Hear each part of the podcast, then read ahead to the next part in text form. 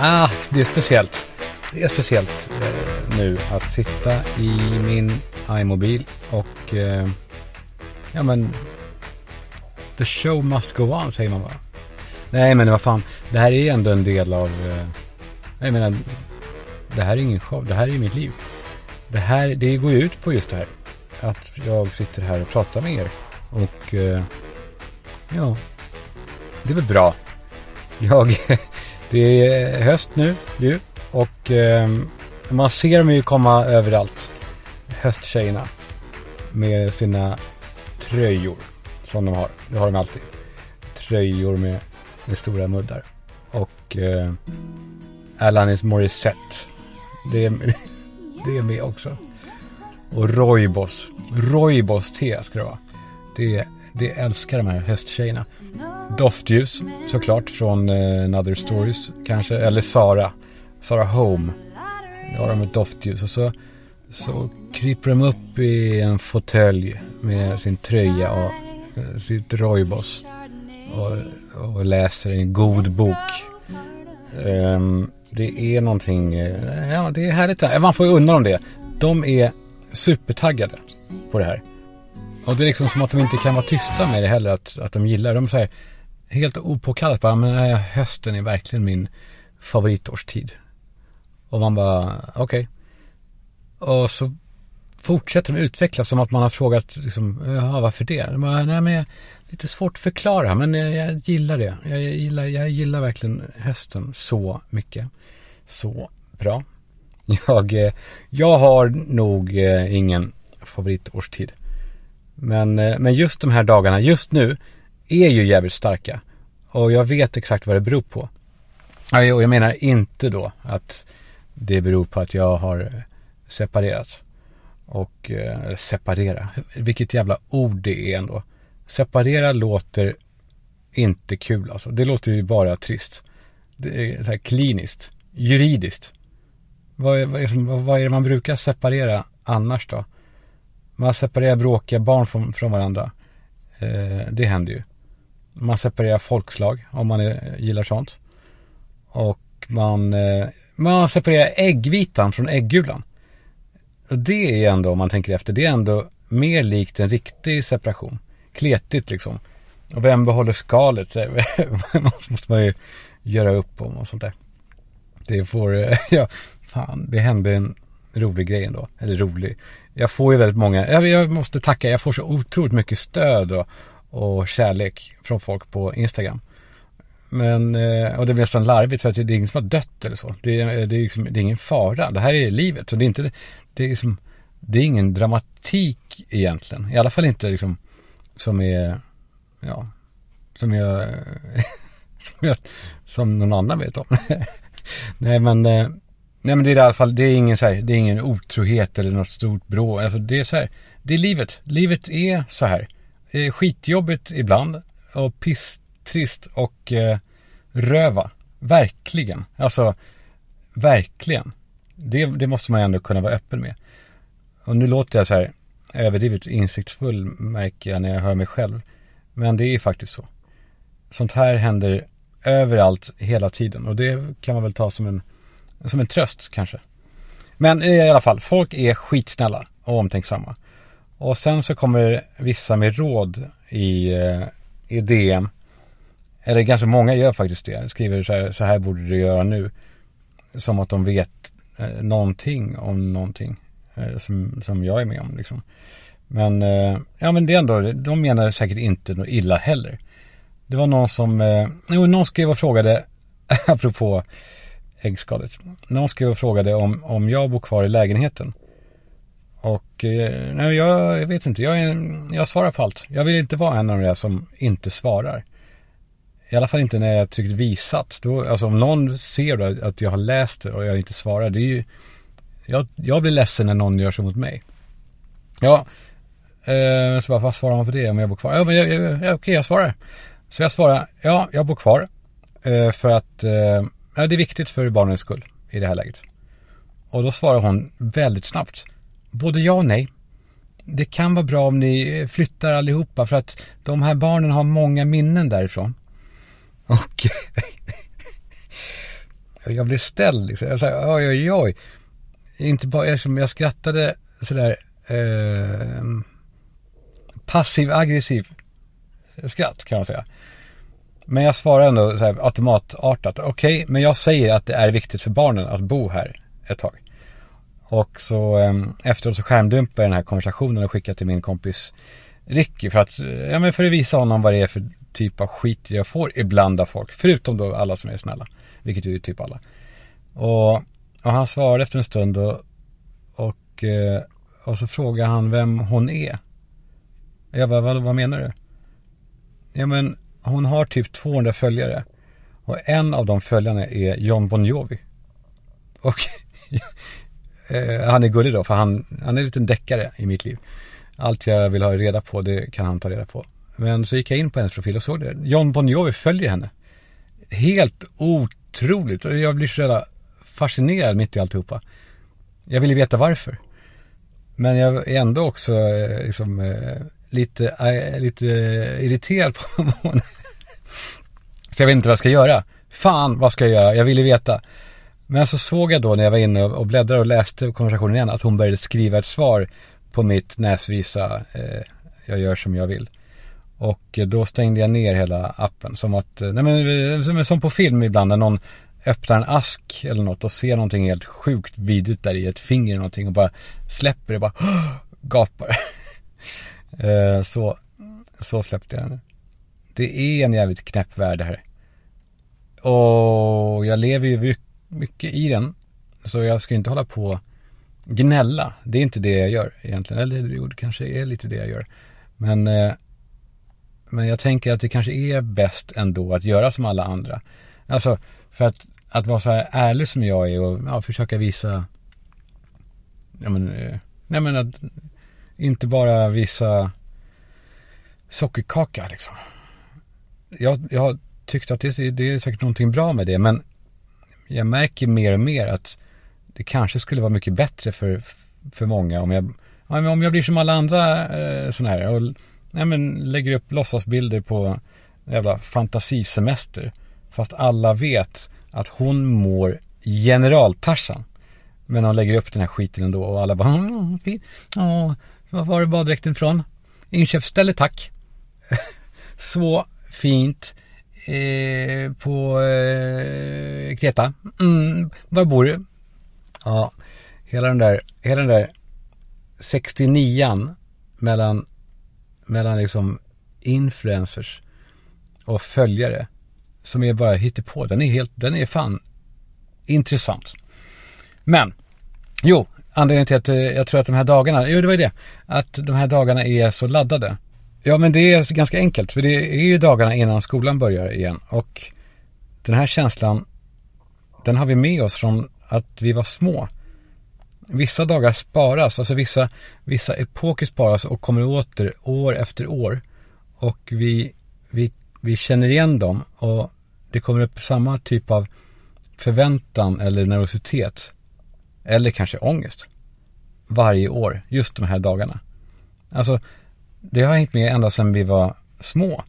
Vi kan de exakta dofterna av eh, sommarens här, sista suckar. Som är, de är exakt samma varje år. Vid exakt den här tiden. Alltså det är känslan av att något nytt är på väg. Som man inte riktigt har koll på. Den här doften av tejp och nytt bänkpapper. Jag vet inte om man fortfarande gör det. Det var några år sedan som man man slog in alla sina skolböcker i fina papper. Det gjorde det, alltså det var ju obligatoriskt då. Alla kom med sina fina böcker i liksom pastellfärger och så här uttänkt och fint. Och eh, ja, jag blir väl sån igen då, men inte jag. Nej, jag hade det tufft jag. jag minns att sista gången som jag slog in mina böcker, eh, det måste ha varit i trean då kanske. Då slog mamma in alla mina böcker i julklappspapper, för vi hade inget annat. Och att köpa sånt papper, nej, nej, nej, nej, nej, nej. Karl Johan. Det gör vi inte. Det här är utmärkt papper. Med tomtar på. Det är, det är ändå snart jul. Ja, så efter det då låtsades jag vara så här, men jag behöver inte slå in dem. Jag, ja, så jag försökte hitta något, något skydd också för det. För det här ändå rätt stora sveket. Eller sveket. Mm. Någonting då. Det var någonting. Jag, jag minns det ju. Det var inte positivt. I alla fall. Skitsamma. Man kan de här dagarna för att de är, de är laddade och de har varit laddade på exakt samma sätt i hela livet. På samma sätt. Man kan ju sin födelsedag. Det är samma sak där. Tänk på er födelsedag nu. Äh, fan, det kanske är svårt att sätta, in, sätta sig in i. Men ens födelsedag kan man på minuten. Alltså, för att det är en viktig dag. Man är otroligt liksom eh, på spänn. Så man tar in allt. Om man då har varit med om det som jag. Fuck, fuck. Oh. 43. Ooh. Det där alltså. Det där är inte, det är inte något kul när man ska scrolla sin ålder. Man ska eh, på sajter. Din ålder och så bara drrr, drrr, drrr, Och varje tick är ett år. Uh. Ja, ni märker jag är, jag är lite blöd idag. Men det, det får vara så. Om ni eh, vill ha eh, fan var det Fredrik Söderholms, han gjorde någon sån där bild av eh, tjejpoddar, Starterkit. eh, tjejpoddar var det så här bilder på champagne och så rubrik typ så här skrattanfallet på Ibiza. Ja men då finns det poddar för det. Det här är en naken, naken podd med Kalle Schumann. Och er. Man kan ju sin födelsedag på minuten. Man kan dofterna eftersom man var så liksom, medveten om allt.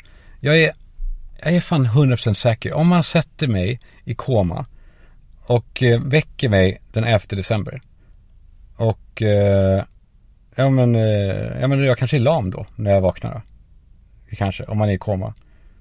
Man är inte alltid lam för att man har varit i koma men det känns ändå rimligt. Vi, vi kör det. Jag är lam. Så får jag åka sån här rullstol med sån här eh, sugrörsstyrning. Och eh, så åker jag ut ur sjukhuset med stora eh, sådana här dörrar som åker upp för mig. Och kameran är bakom mig. Och jag kommer ut där. Och jag vet inte varför. Jag vet inte, eh, jag vet inte vad det, det är någonting skumt här. De har inte sagt någonting, de har inte pratat med mig. Förrän nu, eller fortfarande inte. De går bredvid mig med, med vita rockar och block och penna och, och skriver och noterar. Så det är något experiment tydligen som jag är med om. Men skit, skitsamma, jag kommer ut på parkeringen och jag vet då, det här är min födelsedag. Det skulle jag kunna avgöra direkt. Och så ska jag säga det till dem. Men så är det något skit såklart. Med svalget och, och sådär. Jag, jag, jag, kan inte prata. Såklart. Så jag försöker liksom, eh, nej men jag försöker eh, göra mig förstådd. Men jag, jag kan ju inte vrida huvudet heller. Så jag, ja, rikta blicken kan jag fortfarande rikta. Och försöker jag så här, höja ögonbrynen och signalera att det är min födelsedag. Men, men eh, ja, om det nu var experimentet att ta reda på. Det kanske var det då. Och då kanske de ser på mina ögonhöjningar. Kalle Schumann har koll. Det, det har han. På, på det här. Ja, skitsamma. Eh, nej men de här dagarna det är lite som att man blir barn igen. Nu försöker jag att sortera saker. Eh, det här som jag då går igenom nu liksom personligen med, med också att det är starka dagar för alla. Men, men man blir lite barn på något sätt. Man känner, känner mer. Man kände så mycket som barn. Man, man kände så otroligt mycket som barn och yngre liksom. Jag tänker så här, all den här sympatin som jag får nu de här dagarna av eh, uppbrott och skit. Önskar att jag hade fått det när jag var liksom 16 istället. För det var ju verkligen då som det hade behövts. Alltså vilka känslor man hade. Minns ni dem? Det var, det var, det var ju, det var ju himlastormande på riktigt. Man var ju, man var ju fan sjuk. Man hade, man hade feber av, av känslor. Man, vad jag, säger, jag har inte ätit och sovit på, på tre dygn. Jag minns eh, Sofie på gymnasiet. Och eh, jag var så kär i henne. Jag kunde, men jag kunde knappt existera. Och eh, när jag tänker på henne så, ja, den här låten, när jag hör den fortfarande idag, så kommer jag tillbaka till exakt den känsloperioden. Liksom. Jag kommer in i samma sinnesstämning. Och det är ingen bra sinnesstämning, för att alltså det gick ju, eh, det var ju komplicerat med henne.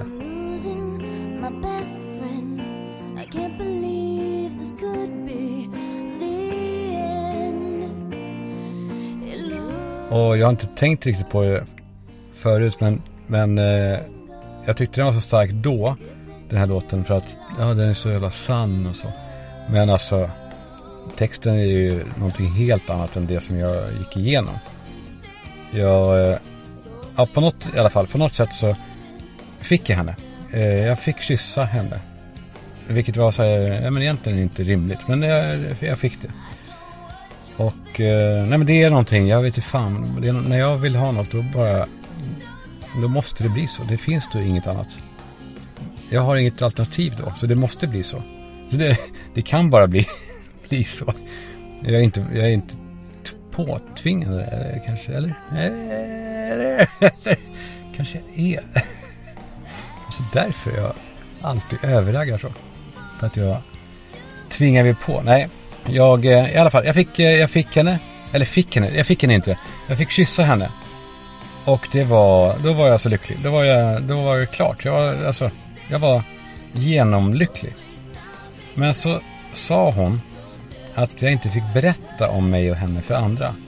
Alltså, eh, att, att du och jag träffas, det är, eh, det är hemligt. Jag vet inte varför. Jag, alltså, jag, jag, jag, eh, hon kanske sa det då, men jag vet inte nu i efterhand varför det var så. Att jag var en jävla hemlis för henne. Alltså i skolan då så mötte hon inte min blick. Men då efter skolan så, så hånglade vi. Och sånt. Eh, ja. Det var en jävligt olycklig eh, tid. Eller olycklig, den var som ett, det är som ett blåmärke. Som nästan är skönt att trycka på lite ibland. Sweet Pain kallas det va? Och sen lite senare när jag var typ 19 så var jag i Israel en lång period och träffade Gifat hette hon. Gifat. Och hon var helt otroligt magnetisk. Med lockigt hår som alltid var liksom blött. Eller det var inte blött men det, så, eller så var det, det, det, kändes blött. Det såg blött ut. Och mörkt hår och så hade hon alltså, lysande gröna ögon som var, det låter ju läskigt i och för sig. Men hon var helt, helt otroligt snygg alltså. Och eh, hon kallade mig för eh, Karel. Karel. Eh, för de pratar ju hebreiska då. Karel. Uh, Karel. och jag kände då alltså när jag, när jag när jag landade henne att det här, this is it. Nu är det klart. Det här är, nu tar jag mina marker från bordet och eh, löser in det. För det här kommer jag aldrig kunna överträffa. Och så gick det några veckor. Eller, eh, ja, veckor, kanske månader, jag vet faktiskt inte. Och så skulle jag till hennes rum på den här, vi var från kibbutz. Uh, jag skulle till hennes rum för man bor då i små uh, ja, rum liksom. Och uh, hon öppnade när jag kom. Och så sa hon så här att jag fick vänta lite på hennes säng. För hennes ex var där. Och de skulle bara duscha. Alltså det här kom från klarblå himmel. Det var helt, helt sjukt. Så jag bara gjorde det. Jag var så kär i henne. Att jag då satte mig på hennes säng och väntade. Och hörde liksom vattnet strila där inne. Och på hennes stereo så spelades den här låten just då.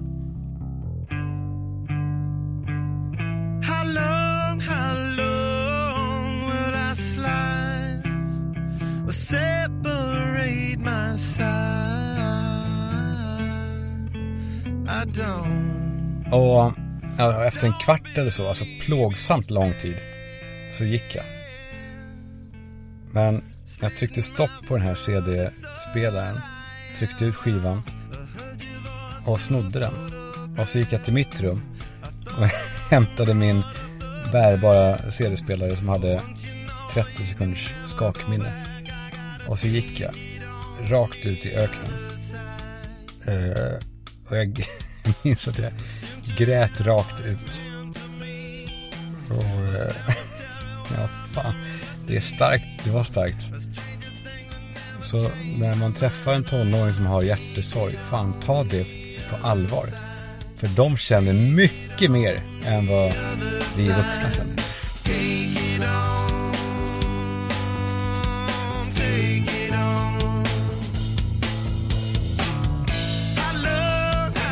Ja, sen ryckte hon in i, i eh, militären. Och eh, det sista jag såg av henne, hon stod i en sån här israelisk militäruniform. Med typ så här snäva, typ sexiga shorts, eh, militärgröna shorts och ett så här gigantiskt M16-gevär över hela ryggen. Och så tänkte jag så här, ja men jag kan ju, ja, vad, vad gör hon, vad gör hon nu då? Jag bara kolla, så bara googla lite, bara, mm, bara, bara kolla. Och hon är ospårbar, hon finns inte. Vilket är ju mystiskt. Um, men uh, jag undrar då, den tiden som jag befinner mig i nu, hur den kommer låta i framtiden. Vilken låt kommer liksom väcka alla de här känslorna till liv om 20 år? Man vet kanske aldrig det under tiden. Det kanske framträder först efteråt. Men jag tror att det kommer vara ändå rätt tyst.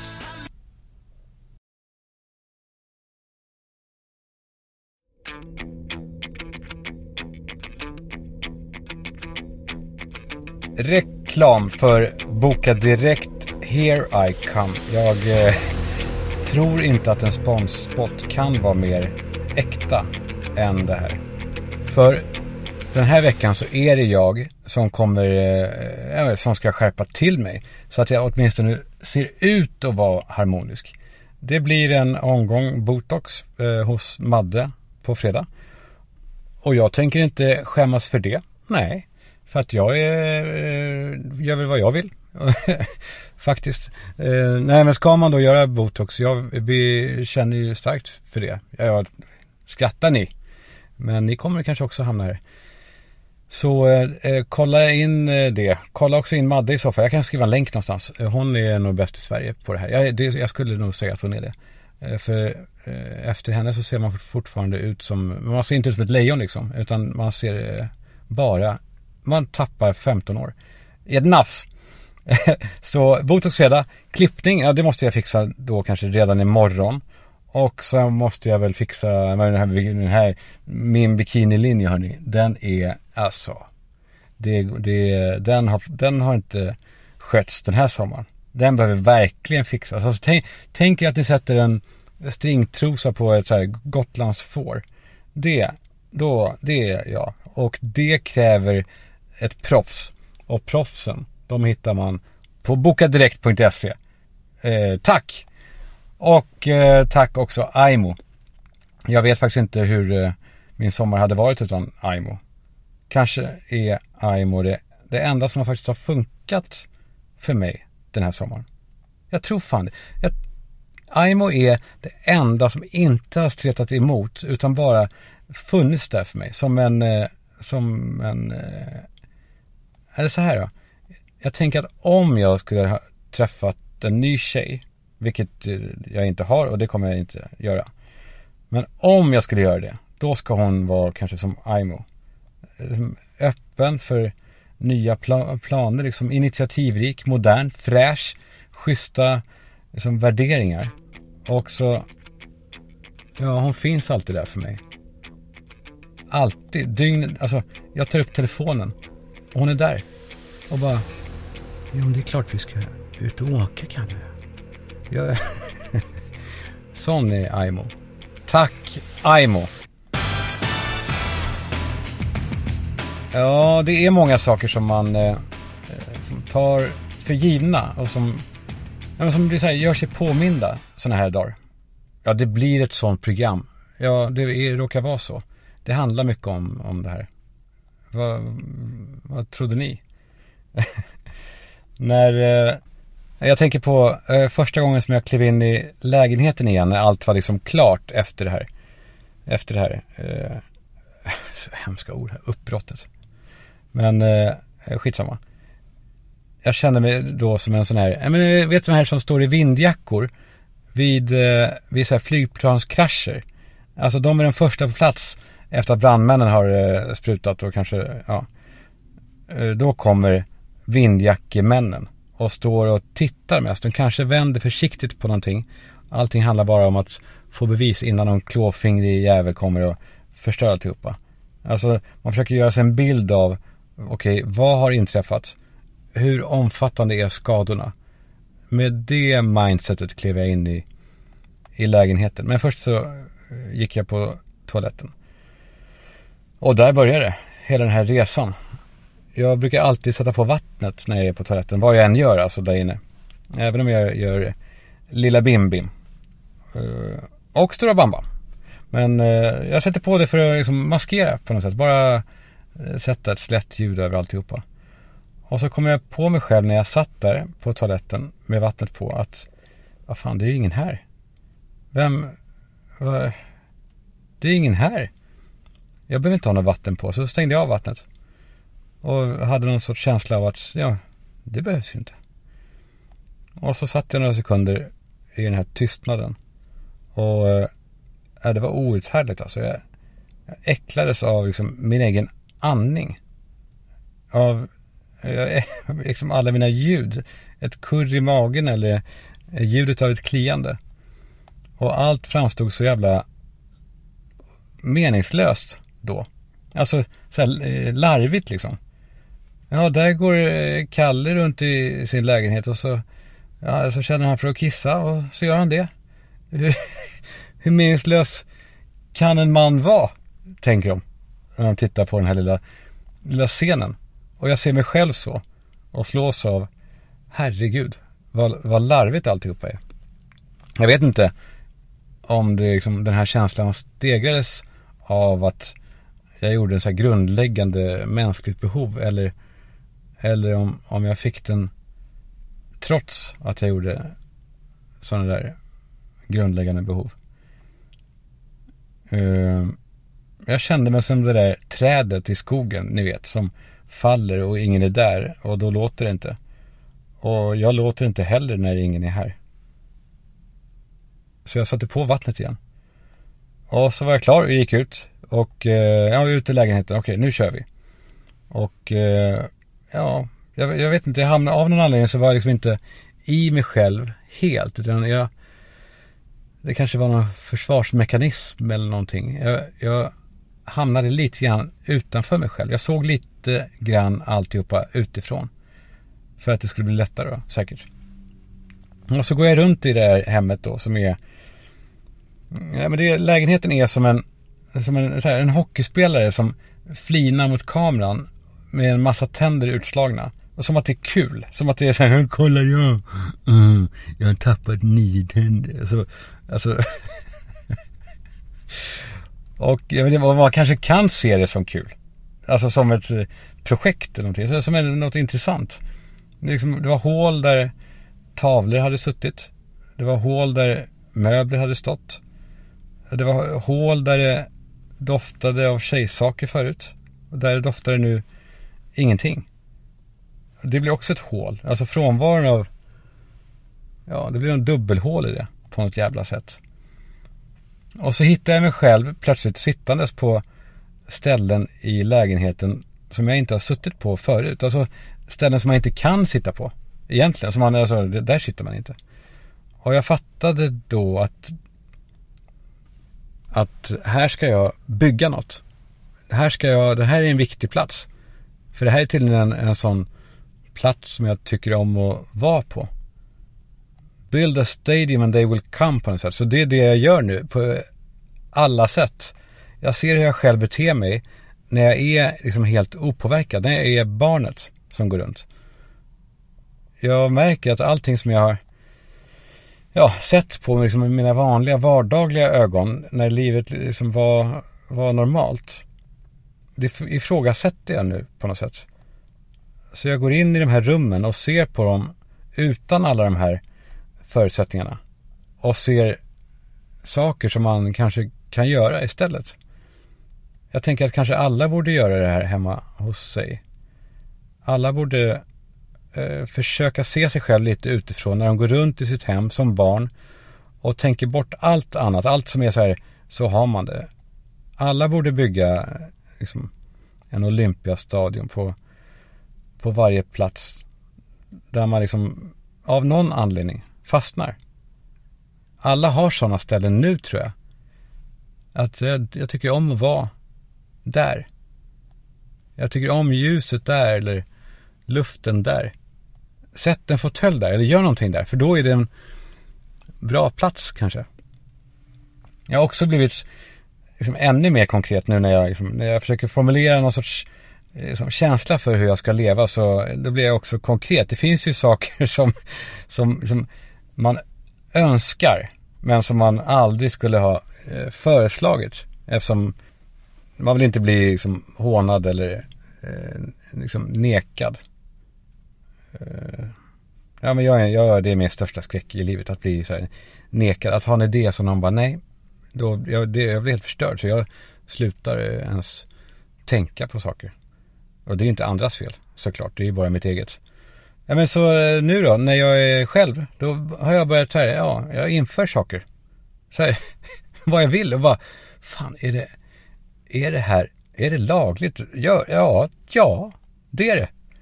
Till exempel varje morgon så eh, eh duschar jag. Och så sköter jag min onani och Nej. Nej. Det gör jag inte.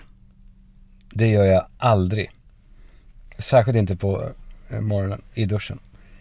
Eh, överskattat ställe ändå, duschar. För sånt. Eh, ja, i alla fall. Jag duschar och sen så torkar jag mig i, i badrummet och hänger upp handduken och så går jag då till min garderob och då går jag dit naken. Och jag avskyr det. Jag har alltid avskytt att gå naken eh, genom lägenheten där, jag vet inte, jag är, jag är väl pryd då, men jag hatar att gå naken. Så jag går till och med när jag är liksom själv så går jag och håller för eh, lilla, lilla snoppis. Ja men så slog det mig nu. Tänk om jag kan ändra på det här. Tänk om jag kan bestämma att jag tar en liten snygg låda i badrumsskåpet och där har jag rena underkläder. Och så var, första tanken var nej, nej, nej, det, det får man inte göra. Sen bara, jo, jo, varför inte? Vem skulle liksom, vem skulle säga emot? Vem skulle säga nej? Då skulle Tom Allan eller Penny säga nej till mig i det. Nej, nej, det skulle, eller alltså, de skulle väl säga nej, men då skulle jag bara skratta åt dem. Jag skulle säga, listen, I'm, I'm captain now. jag är kapten nu. Jag har underkläder i badrumsskåpet. I'm the captain now. Jag låter brödrosten stå framme hela tiden. Stoppar inte in den i något skåp. I'm the captain now. Igår åt jag chips med dipp till middag. Varför? Jo, för... I'm the captain now. När jag får lite feeling då går jag runt och sprutar parfym på alla gardiner. Jo, för att... I'm the captain now. Jag har ett par rättelser. Eller vad man ska kalla det. Som, har kom, som jag måste föra in enligt alla eh, lagar och regler. Jag, eh, jag fick en hel del kritik efter förra veckans program där jag, jag pratade lite grann om att eh, diabetiker inte har så här jättemycket humor. Och nu har sju olika diabetiker eh, väldigt upprört sagt att de visst har humor och självdistans. Eh, de... Eh, Om det... Vi, vi har visst självdistans! Vi har... Men skämta inte om diabetes för då ska du, då ska du dö. Så jag vill eh, självklart be om ursäkt. Men det är väldigt svårt för alla oss andra att hänga med i svängarna om när ni måste ha godis och när ni kallar en, liksom en delicatoboll för mordförsök. Men jag ska sluta skämta. För ni är inte dugg roliga. Tack. Och det var någon grej till. Jo. Ja, herregud, det är en jättegrej. Alltså, eh, handikapptoaletter som vi pratade om för något tag sedan. Eh, som man, eh, ja, att jag, jag leker lite ibland handikappad då. Eller leker. Jag, jag, för att få mindre dåligt samvete för att jag använder en toalett som jag inte får använda så agerar jag väldigt, väldigt, väldigt handikappad där inne. Och ja, mer eller mindre lam liksom. Eller, eller ja, olika utmaningar som jag lägger mig till med varje gång. Det är ganska kul men också jobbigt för det, ja, ja, hur som helst. Det har nu kommit fram att de här handikapptoaletterna, de är inte alls till för handikappade, eh, alltså bara. De, de är anpassade för handikappade. Alltså lama har inte förtur dit. Det har de velat att vi ska tro. Men nu går vi inte på den längre. De får gå dit, det passar bra för dem där. Men, men det är bara som en extra service. Alltså, sen har de satt samma logga på handikapptoaletterna som de gör på handikappparkeringar. För där vet vi att man får eh, jättehöga böter om man ställer sig på dem. Då tror de så här, vi, vi, tar, vi lurar dem, vi tror, vi, vi, vi, vi, eh, vi sätter samma logga där så tror de att det är lika eh, för båten. Men, men, ja det trodde vi. Men nu vet vi. Det är inte en helig plats. De har lurat oss, jag vet inte hur länge. Så nästa gång som ni kommer ut från handikapptoaletten och det sitter någon sur jävel där i rullstol och, och, och väntar och blänger. Då blänger ni tillbaka och säger ja, vad då? då? Eh, vad ska du göra? ja, nej, fan. Hörni, sorry för om det var lite väl liksom, jag-tungt idag. Jag försöker alltid att prata med er som, att, alltså, som en eh, som ett samtal liksom på något sätt. Där bara kanske jag hörs då, men där ni, jag hör era tankar. Idag var det kanske lite väl känslomässigt då, men, men det är fan rätt tufft att tänka klara tankar när sådana här grejer liksom slår igenom. Det är det. Det är liksom det är så tydligt också vilka sår som man bär med sig från liksom uppväxten. Alltså sådana här grejer som jag inte har tagit itu med som jag verkligen måste ta itu med. Om inte annat så för min egen skull. Som till exempel, alltså jag har nu sista dagarna förstått min enorma kärlek som jag har till täta saker, alltså täta askar och lådor och boxar. Som sådana här pelikanlådor, vet ni vad det är? Det är sådana här lådor som, ibland har man teknik och sånt i dem. Det är sådana här eh, som plastlådor med en ett gummikant högst upp och så är det ett spänne som måste ta i för att få över liksom flärpen. Som, och, som sitter alltså som berget. De, de är supertäta. Jag älskar de där. Jag hittade en, eh, den låg, hittade, det, ja, ja, det låg en som såg ut att det kanske ska slängas. Eh, så då lånade jag den lite. som det är de som saknar den lite. Som, den var jätteliten. Inte för att det gör det bättre, men eh, den har jag. Och om ni har fler så, eh, som, ni, som ligger och skräpar så är det bara, bara att eh, säga till. De är, äh, fan jag får gåshud av dem. De är, de är absolut täta. Her, hermetiska heter det va? Ett av mina bästa ord. Hermetisk. Och itinerary. Itinerary. Det som är är, betyder resebeskrivning. Va? Det står alltid itinerary. Det lovar så gott tycker jag. Varje gång det står så vet man. Nu, nu har jag en, någonting framför mig. Det är ett av de här, Eller ett av få ord som det ser ut som att det stavas med ett utropstecken efter sig. Tycker jag. Medan hermetisk, det är mer punkt. Den är mer liksom stum. Och diabetiker är frågetecken utropstecken. Diabetiker!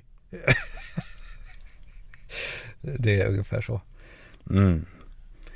Hermetiskt, slutna rum, det är det bästa jag vet. Alltså det är såklart att eh, det har att göra med att jag är ute efter trygghet som jag inte tycks kunna få riktigt särskilt lätt. De här slutna rummen där skillnaden mellan in och ute, den kan vara helt enorm Eller ingenting. Det spelar ingen roll om det är kanske, ja, det är rätt lika. Det är 21 grader både där och där. För det som är där inne, det märker inte av det. det. För det som är där inne spelar ingen roll om det är samma temperatur eller 70 grader kallare där ute. Det spelar ingen roll.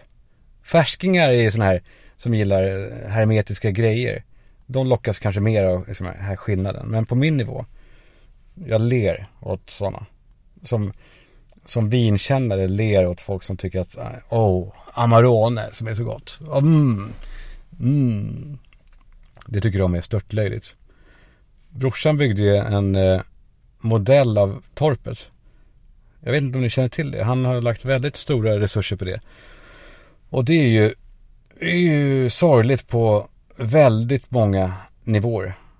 Alltså det menar jag Alex då, inte Nicke för han, han tog ju torpet. Hela torpet, riktiga torpet. Eh, eh, så att säga.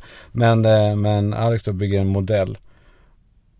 Och det, ja, det är hans sätt att bearbeta det. Och jag då? Vad gör jag? Jo, jag drömmer om att kapsla in saker för gott. I liksom, jag tänker jag ska börja i liten skala. För att jag är ganska, liksom, jag har inte förverkligat det än, men jag drömmer om det nu. Jag drömmer om det, nu ska jag göra det. Jag ska börja kapsla in saker. Till exempel nu så håller jag på väljer ut en, en eh, diamant som jag ska stoppa in i en guldkula, tänker jag. Och där inne så kommer den här diamanten gå igenom krig efter krig. Och den kanske kommer få uppleva världens sista krig. Och sen så tystnar det på jorden. Men diamanten ligger kvar där inne och märker ingenting. Det är det, det är dit jag vill. Ja, där, där, eh, nu ska vi väl eh, lätta upp det här lite. Fan vad jag babblar. Men jag behöver er. Förstår ni? Förstår ni mig? Jag har grejer som killar gör. Det har kommit in många härliga tips. Till exempel, eh, det här är bra. Killar eh, gillar att beskriva hur... Eh, ja, det gör de. Eh, så här. Killar gillar att beskriva hur olika lag går vidare från gruppspelet. De, eh, de eh, älskar det. De fastnar också för vissa termer i det här. Alltså målskillnad gillar de och, och kvalificerar och direkt kvalificerar. Men mest av allt så älskar de eh, att säga inbördes möten. Det är en riktig killgrej. Killar säger det. Killar älskar att berätta hur lag tar sig vidare. Tjejer gör inte det. Där har vi en. Uh, här är också väldigt bra. Killar vet exakt alltid vilka namn och ord som man ska använda för att stava uh, ut liksom, uh, kanske registreringsnummer. Xerxes Adam Niklas. Medan vi andra säger så här xylofon, Eh, eh, apa och eh, Nord, skulle vi kanske säga. Men de kan de här rätta militära termerna och det, det älskar de. Och när de ska säga siffror, då säger de inte 8, 7, 9, de säger 8, 7, 9. För att de vet vikten av att vara tydlig. Så att det inte blir några missförstånd. Och så att eh, fienden kan skjutas. Ja, det gillar killar. Mer. Vad gör de? Jo, istället för att säga att någonting är tungt, alltså rent fysiskt tungt, så säger de att det är otympligt. För att säger de att det är tungt, då är det som att de erkänner att de är svaga eller så, att de, att de inte orkar. Otympligt, då är det mer, ja, det, mm, det här kräver sin man. Det här är inte bara, det här är inte så lätt. Då får de beröm. Eh, killar säger ofta att saker är en eh, dödlig kombination. Jag vet inte om killar säger att det här är en dödlig kombination. Men de gör, nu jag tänker på det mer nu killar säger att det där är en dödlig kombination. Det gör de. Det gör ju inte tjejer. En dödlig kombination av kokain och kvinnor. Det, ja, nej, ja. Jo, där finns det något. Överhuvudtaget att de säger att någonting är dödligt, det gör väl inte tjejer heller. Dödlig. Ett killord. Och eh, ja, killar älskar att prata resvägar. Alltså vart man än ska så frågar de ja, vilken väg man tog liksom. Ja, ja körde du via Båstad eller? De, eh, de tycker mycket om att prata resvägar. Också, också när man har rest, alltså kommer tillbaka, eh, så frågar de, tog du E4 eller? Eh, ja, körde du Puttgarden eller eh, Rödby? Eller, eller tog du eh, Lilla Bält? Som att det spelar någon jävla roll. Ja, och så om man då säger att man, ja, nu ska jag, jag ska ut och, jag ska, jag ska ta bilen till, till Köpenhamn. Då, då, då, då kör de igång. Alltså då handlar det inte längre om att de bara börjar föreslå saker utan de börjar också instruera en om vilken väg man ska ta och liksom argumentera emot om man säger fel. Alltså, eh, ja, testa den först. Ja, vilken väg kör du? Ja, jag kör, eh, jag kör eh, Jönköping. Ja, ah, okej. Okay. Man bara, vadå? Nej, det var inget. och då, man bara, vadå, är det dåligt eller? Ja, kanske det, men alltså. Eh, kör, eh, kör Västeråsvägen om du vill komma fram, men, eh, men annars, jag, jag låt, låt inte mig, skyll inte på mig om du kör, eh, om det går åt helvete. Eller så blir de så här tysta när man har sagt det. De är så här, gör sån här, inte vet jag, gesten liksom. Här. Man bara, vad sa du? Är det, eller vadå? Nej, det är, kör du. Lycka till. ja, fan, där har vi grejer killar göra. Fortsätt skicka in och fortsätt lyssna och eh, jag ska inte be om ursäkt för mig för ni lyssnar ju av egen fri vilja.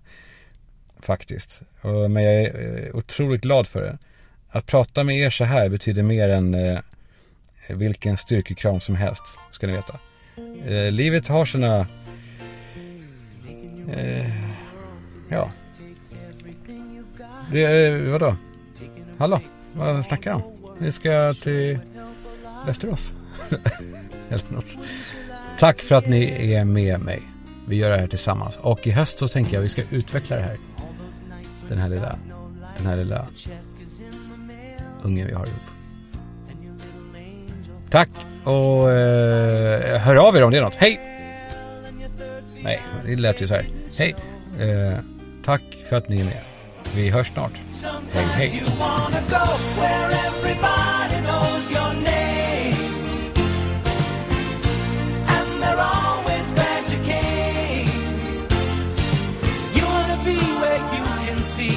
troubles